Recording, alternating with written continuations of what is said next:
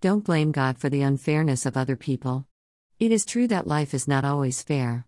Expected results don't always happen the way you thought. But if you look around, you will realize that many others are a lot worse off than you, and you have much to be grateful for. If your life has been particularly hard, there is great hope in knowing that this life isn't the end. God promises to make all things right and fair for eternality to those who love and follow him. Vivienne Caldwell published her first book, Be Strong! exclamation mark the Lord is always with you in her second book, When you trust your own efforts instead of Christ's power. Be still. She also published her first children's book, No One Wants to Be My Friend. These books were written to motivate, encourage, and strengthen us and to let us know that despite our struggles and storms of life, God is always with us and our anchor holds on the solid rock, which is Jesus Christ. Her books are now available on Amazon, so get your copy today.